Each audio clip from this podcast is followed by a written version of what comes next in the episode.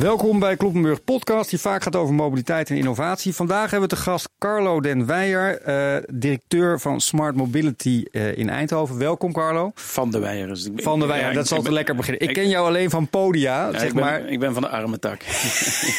van de verkeerde kant van de rivier. Zuiden, toch? Zuiden. Oh, ja, ho. Ja, van die kant, ja. De innovatieve kant. Maar vanaf beneden de rivieren naar Eindhoven, naar Amsterdam gekomen nu, ja, toch? zeker. Via Den Haag. Dus uh, ik, heb, ik heb al heel wat uh, treinen op zitten vandaag.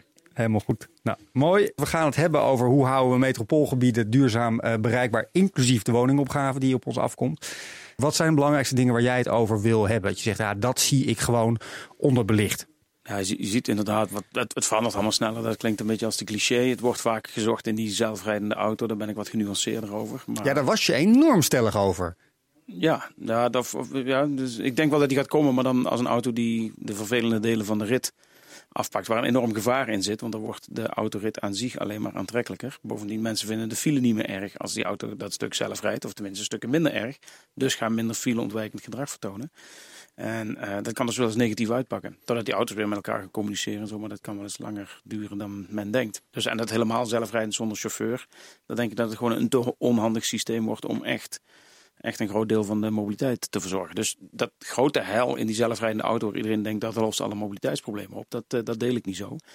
Dus dan moet je eigenlijk, wat, wat ik wel denk, overigens misschien wel zeker zo'n grote ontwrichting is, is dat die auto's wel snel veiliger worden, of die nou autonoom is of niet, veel schoner. Ik denk dat het milieuprobleem een klein beetje naar achteren verdwijnt. We hebben het nu eigenlijk al niet meer over wat, de uit, wat er uit de uitlaat komt, maar meer andere emissies zijn belangrijker. Wat de banden bijvoorbeeld doen, of de remmen, of de bovenleiding. Dat zijn allemaal uh, erger dingen, denk ik, al op korte termijn dan uitlaat. Maar goed, dat wordt dus een klein beetje naar de achtergrond verdreven. En dan krijg je het grote probleem van mobiliteit. Wat we nu al hebben, wat alleen maar groter wordt, is dat we gewoon de plek er niet voor hebben. Als het aan jou ligt, welke drie dingen wil je echt langer over hebben in deze podcast? Kijk, als je, de, als je, dus, als je dat resume, dat, dat dat een beetje de, de trend is die ik wel voorzie, dan, dan moet je het oplossingen gaan zoeken in daar waar de corridorcapaciteit, waar je dus groot massa's kunt vervoeren. Ja. En dat is, daar komt een, een, een onverwachte element, is de fiets, die scoort daar ontzettend goed. Dus daar kunnen we eens wat dieper over gaan hebben ja, wat ik al zei, die corridorcapaciteit is heel erg belangrijk om de verschillende vervoersmiddelen te kunnen vergelijken. Daar zal ook een hoop flexibiliteit in. Maar ik hoorde je ook veel, deze twee zijn mij duidelijk, maar ik hoorde je ook laatste tijd opeens veel meer over economische waarde. Ja, uh, hoorde ik je voeteren over voertuigverliesuren, waar je vrij driftig ja, over was, ja, en de veiligheid. Dus misschien moeten we daar desnoods maar eens mee beginnen, maar zeker even over hebben. Want uh, ja, je moet ook een keer goed gaan nadenken wat nou eigenlijk die kosten van die file zijn. Die zijn hoog, maar zijn die wel hoog genoeg om het land nog lelijker te maken? Dat is eigenlijk wat ik bedoel. Want alle bouwarbeid. Ja, als je kijkt hoeveel infrastructuur dat je nu al ziet. Als je naar metropool kijkt, of zeker een stad. Daar tot bijna de helft van die stad wordt bezet van de oppervlakte voor uh, een vervoerssysteem. Uh, als je parkeren en rail en wegen en alles bij elkaar telt. En dat is eigenlijk niet de bedoeling van een stad. Mensen zijn niet naar een stad gekomen om voor de helft van hun uitzicht naar mobiliteit te kijken. Naar heel veel uh, beton. Ja, en, en, en dus als je daar nog meer gaat doen, elke keer maar wat meer toevoegen, dan uh, ja, dan gaat, het wordt lelijker. Dus je zegt economische waarde leuk, ja. en voertuigverliesuren veiligheid. Twee, rol van de fiets. Drie, corridorcapaciteit. Zeg maar, hoe kunnen we dat beter doen? Laten we beginnen met die economische waarde. Je ja. voertuigverliesuren. de vraagstuk is natuurlijk elke keer van ja, maar we moeten de files oplossen want dat kost enorm veel geld. En dan zeg jij? Ja, want die, files worden, die kosten worden berekend door hoeveel we daarin verliezen. En zo worden ook individuele projecten uh, beoordeeld. Dus hoeveel mensen staan er minder in de file. En dat, uh, ik geloof dat nu de lichte kosten rond een tientje per uur wat wij verliezen. En voor vrachtvervoer en uh, goederenvervoer. Ik dacht zelfs dat het 20 was. Oh, ik dacht dat het tientje Oké, okay, nou, maar dan gaan we uit. Maar mijn, mijn, mijn, mijn, stelling is in ieder geval dat het, terug, dat het naar beneden moet. Ik, schijnbaar vinden, dat klinkt een beetje grof, maar schijnbaar vinden mensen de file niet erg genoeg. Want file bestaat uit mensen die, die op die file zitten te schelden.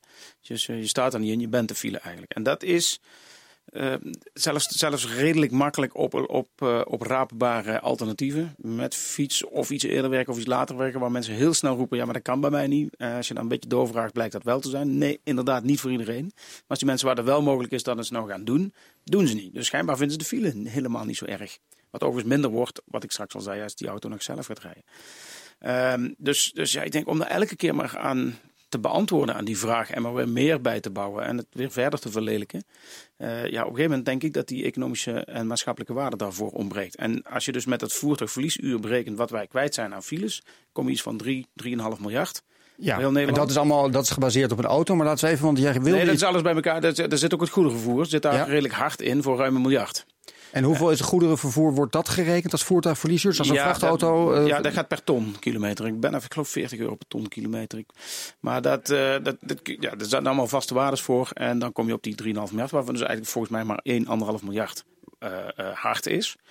Maar ja, je hoort af en toe vragen dat we weer een miljard moeten investeren om dat miljard te voorkomen. Ja, dat, dat, Ja. dat, dat klopt al niet volgens mij economisch. Aan de andere kant, ik, Maar wat mij altijd opvalt, vind ik grappig, want dan gaan we meteen de, de issues ook in. Dat als je hem doorrekent, ik heb ook een bloedhekel aan dat voertuigverliesuur eh, als gewoon economisch paradigma. Want dat is namelijk de basis voor wel of niet extra infrastructuur voor zowel spoor als voor eh, asfalt aanleggen. Maar in de trein is je vo- voertuigverliesuur volgens mij 5 euro. En voor de fiets, dan moet je niet voertuigverliesuren, want dan ben je maar 3 euro economisch waard. En wandelen economisch waard ben je nul. Dus als je dat doorrekent, dan zie je er ook nog een enorm verschil in zitten. Zie Ja. jij dat ook? ja, dat klopt. Ik vind bijvoorbeeld ook in, in een trein. Ik ga meestal met de trein, omdat ik dan kan werken. Ik heb al een auto die zelf kan rijden af en toe, maar dat is bij lange na niet goed genoeg om, eh, om te kunnen gaan werken. En dus is het voertuigverliesuur voor mij in de trein eigenlijk nul. Want ik werk eigenlijk harder in de trein dan thuis. Voor een of andere eh, vreemde reden. Waarschijnlijk omdat de wifi zo slecht is dat ik hem uitzet en dan ben ik offline. En dan concentreer je het kun je eindelijk, kun je eindelijk eens werken. Maar eh dat doen ze allemaal expres. Nee, maar dus eigenlijk is het negatief voor mij. Ik werk harder in die trein dan, dan ergens anders. Dus om daar nou voor mij weer te investeren om dat nog sneller te maken. Dat, dat, die, die, die zin ontbreekt mij. Dus dat is eigenlijk, en ook in de auto, om enigszins... Laat, laten we het eens op nul zetten of, of een stuk lager. En ik weet dat het Kennisinstituut voor Mobiliteit daar ook aan, aan het nadenken is. Van moeten we dat nog zo heel zwaar tellen? Het komt uit tijden dat je ook compleet niet productief was als je in de trein zat. Of wat. Daarom hebben ze in Frankrijk massaal in snelle treinen geïnvesteerd. Want ja, in een trein kun je niet werken. Daar kun je geen asje draaien of een, een hegje knippen of wat dan ook. Dat waren de banen toen. Nou, dat is helemaal anders. Ik, dus, ook als treinvertraging is, als ik mijn aansluiting maar niet mis, vind ik dat niet erg. Want ik kan gewoon even doorwerken. Ja. Dus dat voertuigverliezer kan omlaag. Als je het niet omlaag doet, zitten we nu op 3,5 miljard schade daarvan. Van de wegen inderdaad, dat, is, dat zeg Ja. je terecht. En, en dus als je die congestiekosten, die dus mijn ziens veel lager liggen, rond een miljard. Want je moet dat goederenvervoer wel hard rekenen.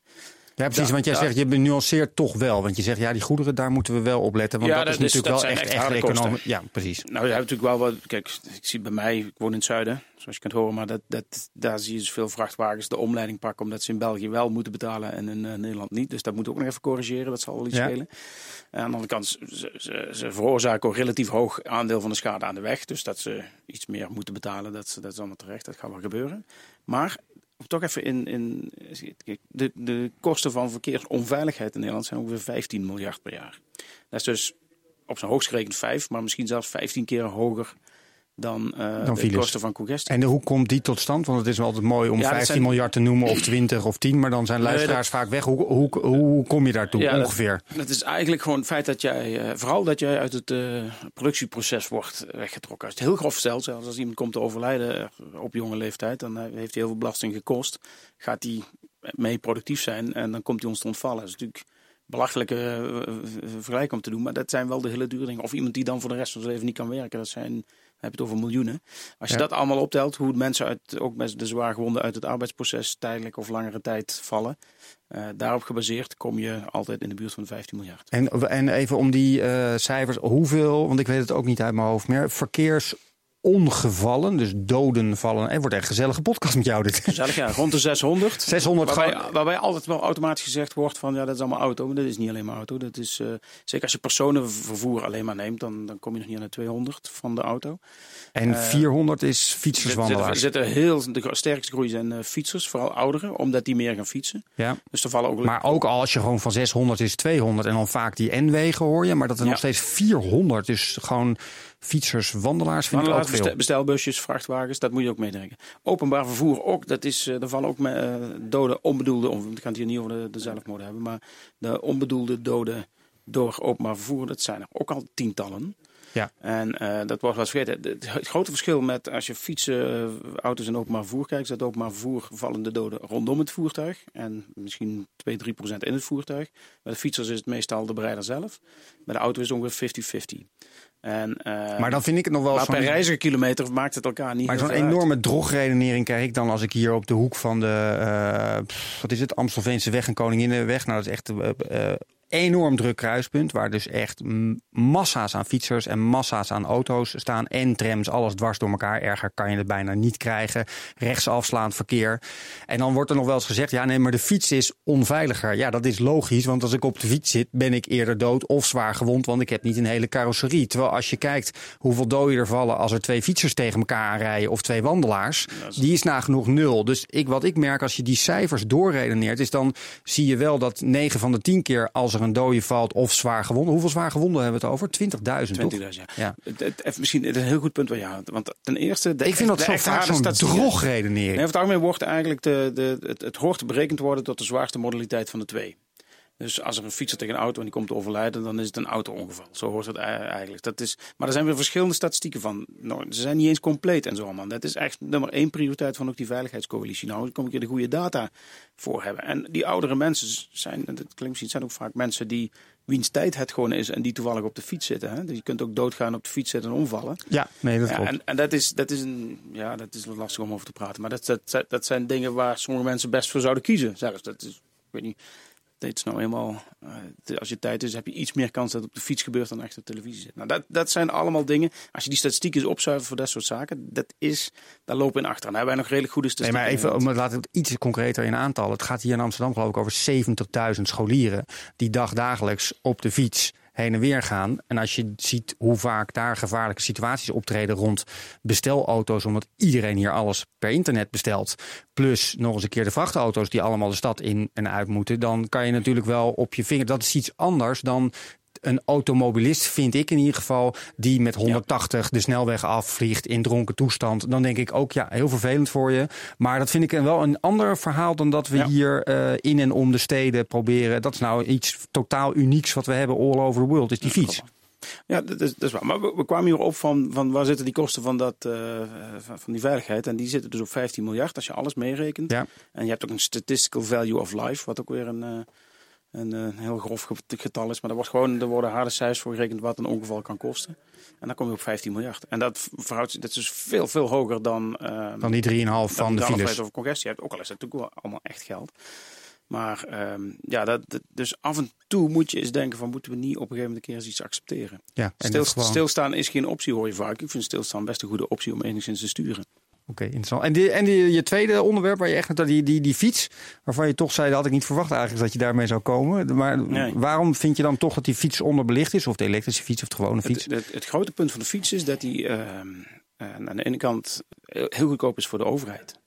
Dat is, uh, weliswaar moet die fietsinfrastructuur aanleggen, veel meer dan ze nu doen. Hè. Het zou voor heel Nederland ongeveer 7,5 miljard kosten om de hele infrastructuur tot op een niveau te trekken. Dat je niet meer van die hele gevaarlijke situaties hebt die je net beschreef. Met al die fietsers dan door elkaar. Dus hier en daar geïsoleerde fietspaden. Overal waar die gevaarlijke punten zijn. Het hoeft niet helemaal overal. En dan ben je ongeveer 7,5 miljard kwijt. Wat ongeveer per jaar ook subsidiëren het openbaar vervoer. Dus toch even om het in, in verhouding te zetten. Dat, uh, dat kan over een aantal jaren. Ik denk dat we dat echt moeten doen. Want alle investeringen die je doet in fietsen, verdien je terug als overheid. Dat is heel lastig aan te wijzen waar dat precies terugkomt. Maar dat zit hem vooral in de gezondheidskosten. Ja. En uh, ja, dat is wel een ander ministerie en dat komt over langere termijn terug. Maar voor elke kilometer die je fietst, spaar jij eigenlijk de overheid ruim 5 cent aan minder kosten op termijn. Want je bent één of twee dagen uh, minder in het ziekenhuis, hebben ze berekend, dan als je nooit fietst. En, ja. en, als je dat doet, dan krijg je dus eigenlijk onder de som dat die fiets zo goed als gratis voor de overheid. En heeft een heel grote punt dat hij lang niet zoveel ruimte neemt natuurlijk. En dat is, uh, dat is een hele goede communicatie, of combinatie. Samen met een enorme capaciteit waar we het daar nog over gaan hebben. Want je kunt gewoon heel veel mensen in één richting over een. Uh, een maar wat gaat er dan mis? Want het lijkt natuurlijk zo'n no-brainer van we moeten die fietssnelwegen, die fietsinfrastructuur. Er zitten enorm veel knelpunten nog in. En het lijkt altijd alsof het een soort van uh, restcategorie is, die fiets. En ze komen ook nooit uit die modellen zetten. Dus die voertuigverliesuren, omdat die fietsen niet meedoen kom, het komt er nooit uit. Het komt er altijd een soort van uit als een soort van restpotje. Dat is goed. En het, het, CBP vorig jaar een keer een rapport uitgebracht. Dat ze nog eens een keer die modaliteit En ook geadviseerd van moeten we nou nog flink blijven investeren. De Raad voor Leefomgeving en infrastructuur heeft ongeveer een soortgelijke conclusie getrokken. Dat echt meer investeren in infrastructuur, zij het sporen of snelwegen, uh, moeten we eigenlijk niet meer doen. Het gaat vaak ten koste van niet gereden ritten of fietsritten. En dat besef begint te landen. Zeker openbaar vervoer en fietsen zijn behoorlijk communicerende vaten. Ja, die combinatie is natuurlijk altijd een tijd. Ook, omdat, ook omdat studenten natuurlijk met de overjaarkaart heel veel van het OV gebruik maken. En daar is het alternatief meestal de fiets uh, toch wel. Maar goed, dat, dat zijn... Uh, maar komen jullie vanuit de TU Eindhoven ook echt al met nieuwe modellen en nieuwe manier van berekenen? Want ik heb altijd het idee, als je het nu in dat oude systeem, of het nou CPB is of de uh, NMCA, de, de Nationale Meerjaren Capaciteitsanalyse, die fiets en ook zeker die elektrische fiets, ik geloof dat nu over 200.000 uh, verkochte voertuigen, ja, voertuigen uh, fietsen in Nederland gaat. Ja, met, met nauwelijks subsidie. Met nauwelijks subsidie. Als je, kijkt waar we voor de elektrische voertuigen hebben moeten doen om dat een beetje, ja, wat, precies. wat onder de streep misschien ook wel te, uit te leggen is. Maar die, die fietsen zijn er bijna automatisch gekomen. Die zijn gewoon zo goed dat mensen ze zelf willen betalen. Maar je, je vroeg, waarom, waarom is dat on, onderbelicht nou? Ik weet het, het, we doen het in Nederland natuurlijk ontzettend goed. Hè? We, zijn, we zijn qua fietsen. Het is altijd met Kopenhagen vechten welke de beste stad is in de hele wereld. En je ziet dat het ook groeit. Het is de, wereldwijd ook de snelst groeiende modaliteit. Als je kijkt naar het aantal ritjes. Zelfs in China zijn ze nu weer terrein terug aan het winnen. Ja? Want was het, er is de fiets helemaal verdwenen. Ze zagen daar die auto's opkomen en denken ze, dan moeten we in het openbaar vervoer investeren. Dat hebben ze ook gedaan. En het ging eigenlijk alleen maar ten koste van voetgangers en fietsers die je ineens niet meer zag. En de auto's zijn gewoon door blijven groeien. En, uh, maar dat, dat zie je dus wereldwijd. In Londen is over twee, drie jaar het aantal ritjes per fiets waarschijnlijk hoger dan dat van auto. En dat, dat zijn, dit komt van bijna nul. Dus je ziet het wereldwijd toegaan. We lopen in Nederland nog wel voorop. We moeten dat wel bewaken. We moeten er investeren. Er wordt nu 100 miljoen geïnvesteerd. Maar ik vond het grappig. Ik weet niet of jij dat, ook... Niks. Nee, dat is toch helemaal niks. Dat, Als je dat vergelijkt met de, de, investeringen die we doen in openbaar vervoer. En ook de investeringen die we doen in... in uh, in wegeninfrastructuur. Het is werkelijk, het is een soort van peanuts. Het is niet zo sexy, niet zo high-tech, niet zo, uh, hè, er zit niet zo heel veel uh, prestige aan vast aan een fietspad dan aan een een, een metrolijn. Maar een student van mij had het berekend dat in die metro Amsterdam, die Noord-Zuidlijn, als je daar een fietstunnel van gemaakt had, hoeveel elektrische fietsen je had uit kunnen delen voor de komende 30 jaar. En elke toerist hadden ze nog mee naar huis kunnen nemen ook. Zo ken ik je weer van die podia. Ja. En we hebben weer honderd mensen die heel nijdig zijn. Ik schuif het nou even naar student van mij, maar ik vond het wel een leuk verhaal. Waarschijnlijk komt het van jezelf. Even, want we gaan volgens mij automatisch richting die corridorcapaciteiten. want je doet een tunnel en... Uh, Waarvan zie je nou eigenlijk zelf dat je zegt, oké, over de Hollandse brug A1, A6 of A2 hebben we nu inmiddels zoveel rijbanen liggen met wat spoor ernaast. Wat heeft nou, laten we eens gewoon eerst zeggen, hoeveel gaat er over een rijbaan, auto's, één rijstrook per uur ongeveer, grosso modo. Hoe bereken jij dat? Ja, op de snelweg, kijk, je kunt een seconde van elkaar afrijden, maar dan heb je een niet al te stabiel systeem, vooral als je nog verder kort maakt. In de regel rijden wij iets van 0,7 seconden van elkaar af ja. in de spits. En als je dat zo zou doorrekenen, heb je ongeveer 5000 auto's in één richting. Maar om constant 0,7 seconden, dan heb je een systeem als dan een klein beetje remt. En dan stort die capaciteit in. Dus een reële capaciteit van auto's, als je het goed organiseert en een netwegontwerp hebt, ja. dat een weinig eh, goed overzicht, kom je op de 3000. 3000, 3000 per je, uur per richting één rijstrook. En dan zit er, zit er helaas in de spits maar 1, heel klein beetje. 1,1 of 1,2 mensen zitten erin. En dat is door flexibele werktijden. Is dat, hele, ja, is dat alleen maar. Mensen willen ook heel graag alleen in hun wat auto ik ook zitten. interessant, wat even, we gaan even door, want jij zei nog iets, dat wist ik ook weer niet. Is dat jij zegt, ja, en de corridorcapaciteit in de stad van een, van een weg is hoeveel? Ja, die is veel lager. Want dan, ja, dat is ook logisch, maar hoeveel is die dan? Dan, heb je, dan, dan komen de stoplichten erbij en zo. Ja. De doorstroom, dat, dat gaat niet, dan gaat het richting de 1500 of zelfs daaronder. Dus uh, dat, is, dat, is, dat is de auto. Ja. Dan probeer je wat meer mensen in te krijgen. Dan kom je misschien aan de 2000. Maar dat is de orde van grootte waar je het over hebt. Ja. Hoeveel mensen je kunt transporteren op een corridor waar je dan zegt een 3, 3,5 meter breed pad. Ja. En dat is hetzelfde voor een spoorlijn. Nou, hoeveel kun je? Met spoor kun je natuurlijk veel meer doen. Met metro nog meer. Dat was altijd een beetje de kampioen. Maar je ziet nu nieuwe systemen die nog verder gaan. Maar het spoor even, die, ja. die, die, die staat in al die figuurtjes als 100.000. Maar dat is, dan, heb je, dan staat er altijd Mumbai onder. En daar heb je nou zo'n heb je zo'n trein van een kilometer lang. Ik heb erin gezeten. Ja, die ken ik ook. En dan zit je, er, dan zit je niet alleen in, maar dan zit je op en ja, aan en zo. Ja, ja. dan, dan kun je dat misschien halen. En dan halen ze in Mumbai ook wel. Maar vergeet dat even. Met Nederlandse, met onze veiligheidsnormen, zit je ongeveer op 10.000 met treinen.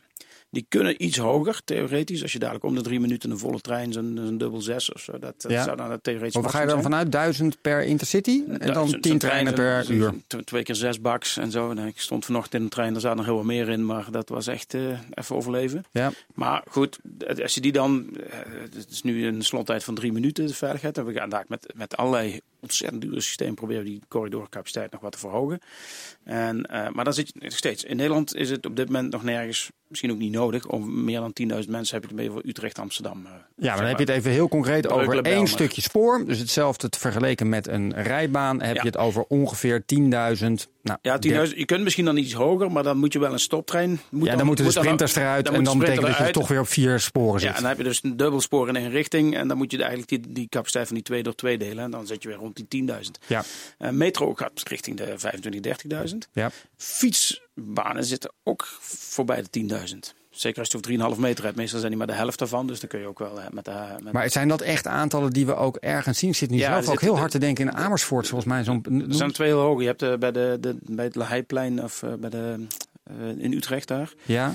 Bij de Bijkorf zit. Dat is volgens mij de drukste fietsroute ter wereld. Als je het aantal fietsen ziet. Ja. Overigens heel leuk, daar hebben ze een keer, daar zit zo'n stoplicht waar niet zo heel goed naar geluisterd wordt. En daar hebben ze een keer heel stoer staan uh, controleren. En toen was de overheid binnen. En nou, even later sloeg dat terug tot aan het busstation, waardoor heel het busstation vastliep en zo. Toen hebben ze binnen 10 minuten die agenten gebeld van stop. Hou ermee op dus met heel, die bonnen Heel het systeem leeft bij het feit dat wij de regels hier wat flexibel interpreteren. Dat vind ik zo mooi. Maar dus corridorcapaciteiten daar, die gaan voorbij de 10.000. Dat is echt heel erg hoog. Dat is een ander heel groot voordeel van die fiets. Maar als je nou kijkt naar het openbaar vervoer... En bussen? Bussen, dat is het punt. Bussen hebben een uh, heel, heel raar, die hebben dus niet die hele zware regelgeving van rail. Die kunnen theoretisch gewoon een seconde van elkaar afrijden. Dan heb je het wel over theoretisch. Hè? Want als je gewoon een seconde, of zeg twee seconden, die bus zelf, dat duurt ook nog een seconde voordat die uh, voorbij komt. Dan heb je om de drie seconden een nieuwe bus. Dat zie je af en toe bijvoorbeeld al in die bussen Rapid Transit Systems die ze in... Uh, in Bogota en in Istanbul ook. Daar ben ja. ik pas nog, en hoeveel uh, man zitten dan in Ik denk zelf even in Nederland aan de Zuidtangent dan. Dus dan ja, hoeveel, man kunnen, ook, uh, hoeveel man kunnen daar ook weer in? De Zuidtangent weet ik even niet. Maar dit is in ieder geval, uh, daar in Istanbul hebben ze bussen van 150 man. En ik denk dat er wel 250 in zitten. Ja. Maar het lijkt met zelfs met 150 hebben ze daar een corridorcapaciteit die al voorbij de 50.000 gaat. 50? Ja. ja, en dat hebben ze kunnen bereiken. Want het, natuurlijk ligt de bottleneck dan niet meer bij het aantal mensen over die corridor. Maar of je er allemaal nog in en uit krijgt. En zij hebben dus door, een, door bij de stations even een baantje eromheen te leggen. Dat sommige bussen daar gewoon voorbij kunnen rijden en naar de volgende kunnen gaan. Uh, daardoor hebben ze, uh, hebben ze die, die enorme capaciteit kunnen bereiken. Maar dus als je dit bedenkt, hè, als je, maar Carlo, als we dan dus gewoon, weet je wel, het, het, wereldberoemde rondje Randstad. Wie heeft dat niet gezegd? Ik geloof Van der Laan heeft het gezegd, uh, Van Aartsen in Den Haag. Als je dan de A4 pakt, de A9 pakt, de A2 pakt en de A12 pakt. Ja? We pakken de vier grote snelwegen die dat rondje maken. Sorry, we doen Eindhoven, mag ook meedoen. Waar nee, nee, nee, nee, nee. Ja, oké, okay, doen die vier. Tien jaar in de Randstad gewoond en gewerkt. Oké, okay, die vier. maar graag. als je die, uh, stel dat je één rij baan beschikbaar maakt voor een soort van Bogota snelwegsysteem, dan, dan zeg jij dat je capaciteiten aankwam met bussen van 20, ja. 25.000 en de, en de wegen liggen er gewoon. Ja, dat klopt. Maar dat, maar dat zie je over het algemeen wel altijd, dat die bussen, ook omdat er veel nadelen van bussen, want er zaten allemaal vieze dieselmotoren in en dergelijke. En dat zie je ja. eigenlijk ook wel heel snel nu opkomen met die elektrische bussen. Dat, dat is de norm aan het worden. Ze zijn veel goedkoper, veel betrouwbaarder. Om die, assen die er bijvoorbeeld op zitten, die maken ze per, per miljoen. En, hè, dus dat, dat is allemaal redelijk betrouwbaar en goedkoop materiaal.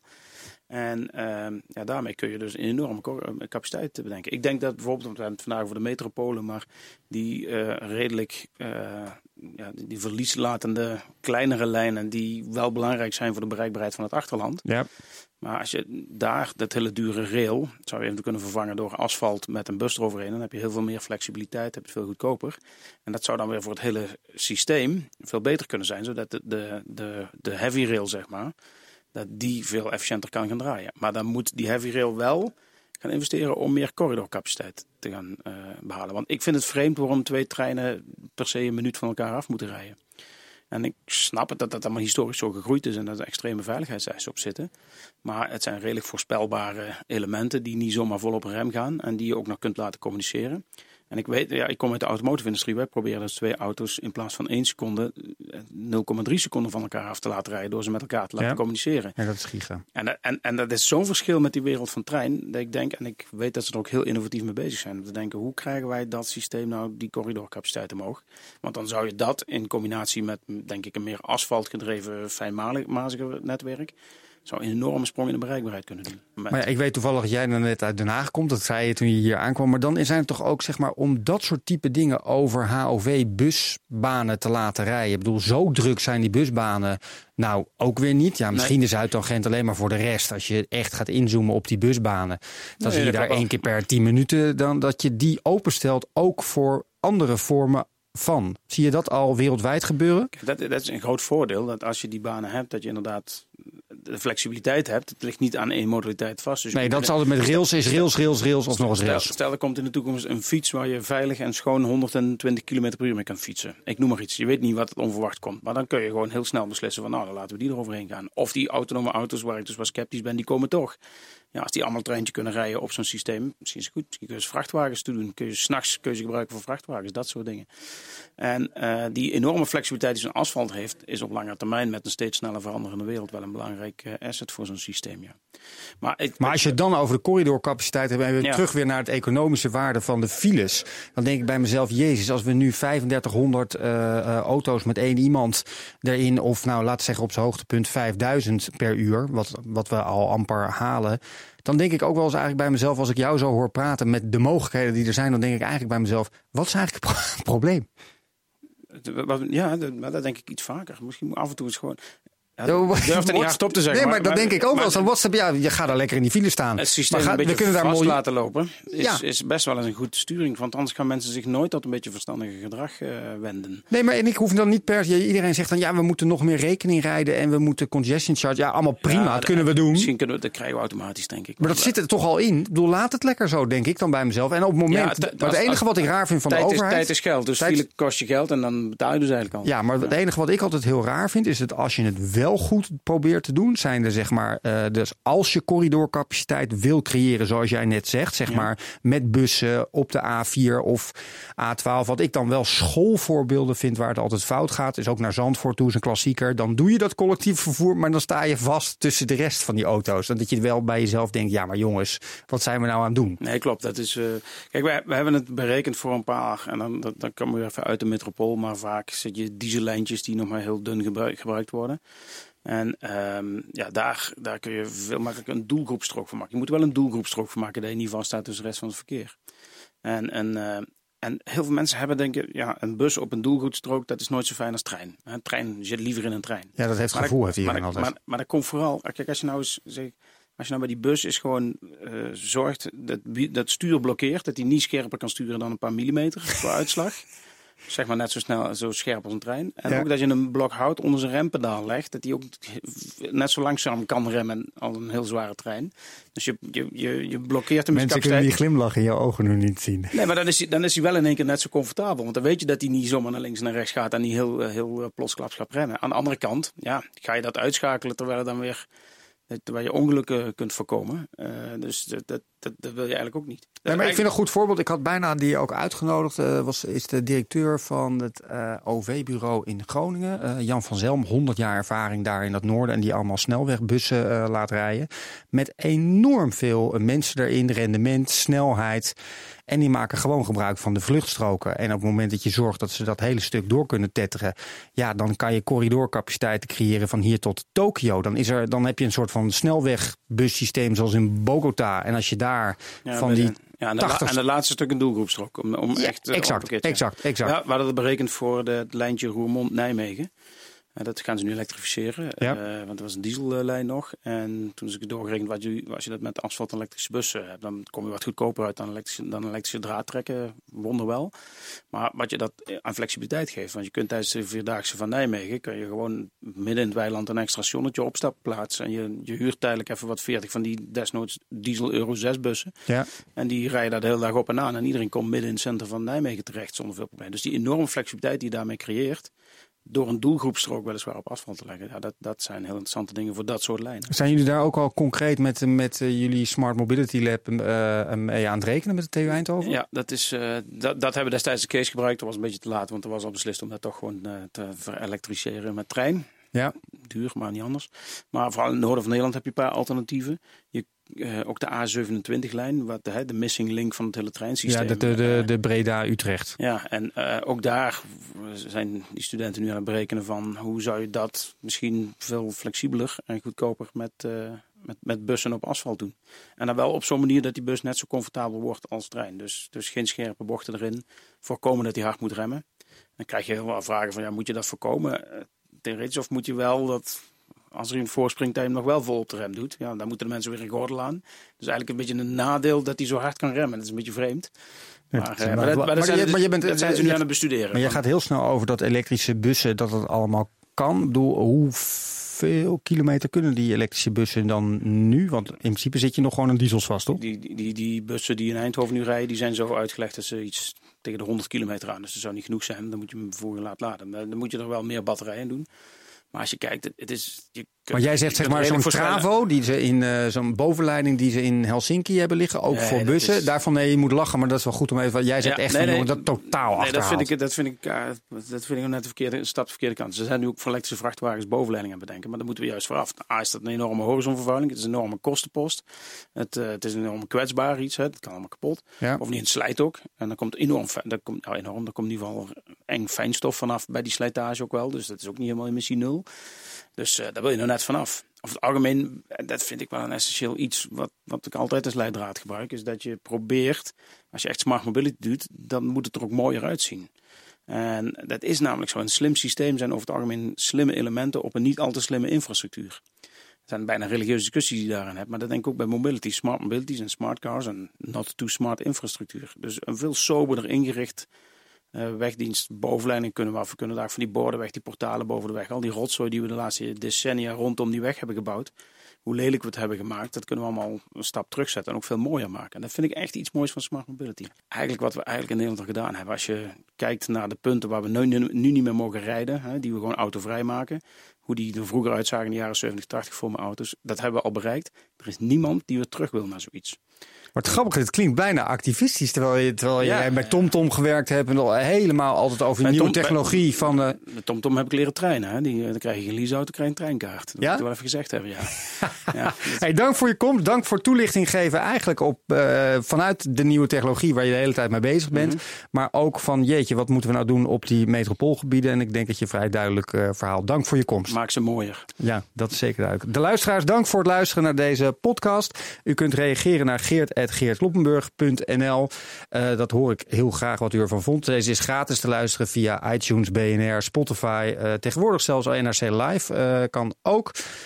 voor nu, dank voor het luisteren en graag tot een volgende keer. Carlo, dankjewel. Graag gedaan.